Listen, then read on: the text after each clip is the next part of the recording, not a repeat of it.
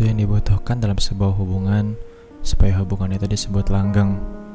Aku nggak tahu berapa lama waktu yang dibutuhkan dalam sebuah hubungan supaya hubungan itu disebut awet. Tapi hubungan kita yang barangkali di mata orang-orang masih seumur jagung, aku pikir itu sudah sangat awet. Mungkin bukan dari durasi aku melihatnya, tapi aku melihat dari dirimu, dari nilai yang ada padamu yang begitu berharga untuk dimiliki dan untuk dijaga. Ya, aku dan kamu, hubungan yang di mataku adalah hubungan yang awet, hubungan yang kokoh, dan seharusnya bisa langgeng. Bagaimana tidak, dikala orang-orang masih berpacaran di bioskop atau hanya makan di kafe, aku, aku sudah mengenalmu, aku sudah main ke rumahmu, aku sudah mengenal orang tuamu. Kita sudah sedekat itu. Rumahmu terasa seperti rumahku. Begitupun rumahku, mungkin juga terasa seperti rumahmu. Tidak ada lagi panggilan tante dan om. Kedua orang tuamu, aku memanggil mereka bapak dan ibu.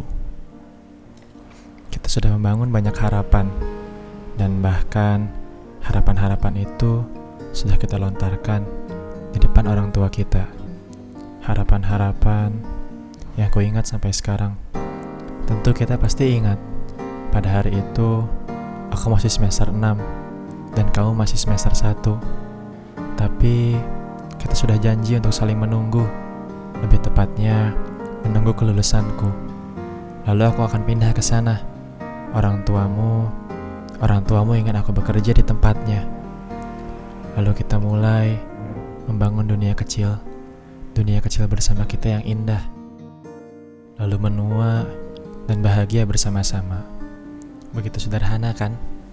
Karena kita sepakat bahwa bahagia itu timbul dari hal-hal sederhana yang kita bisa syukuri, dan itulah kita dengan segala kecocokannya, dengan segala satu pemahamannya. Berharap hubungan ini dapat berlangsung lama dan sesuai rencana. Berharap kita berdua dianugerahi kesabaran. Tapi pada akhirnya hidup selalu ingin menunjukkan bahwa rencananya itu lebih baik daripada rencana kita. Kadang kita mendoakan untuk mendapatkan yang baik, tapi hidup memberikan kita yang terbaik. Hanya saja, kadang kita tidak mau sadar bahwa yang diberikan hidup adalah yang terbaik untuk kita, sekalipun bentuknya adalah susah, bahkan patah hati. Mungkin hidup ingin kita belajar agar kita menjadi manusia yang tegar.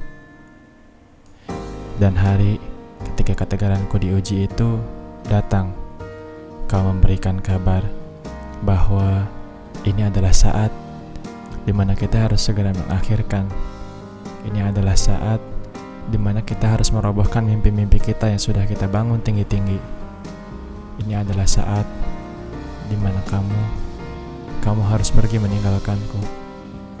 Sebenarnya bukan pergi juga, katamu. Kita masih bisa jadi teman, tapi apa artinya? Apa artinya kalau kamu hanya menjadi seorang teman? Maka pergilah, pergilah dengan pangeranmu yang memberikan kepastian. Karena itulah yang terbaik yang bisa diberikan hidup untukmu. Dan itu jugalah yang terbaik yang bisa diberikan hidup untukku, supaya aku menjadi kuat dan menjadi lebih baik daripada diriku waktu itu yang tidak dipilih olehmu.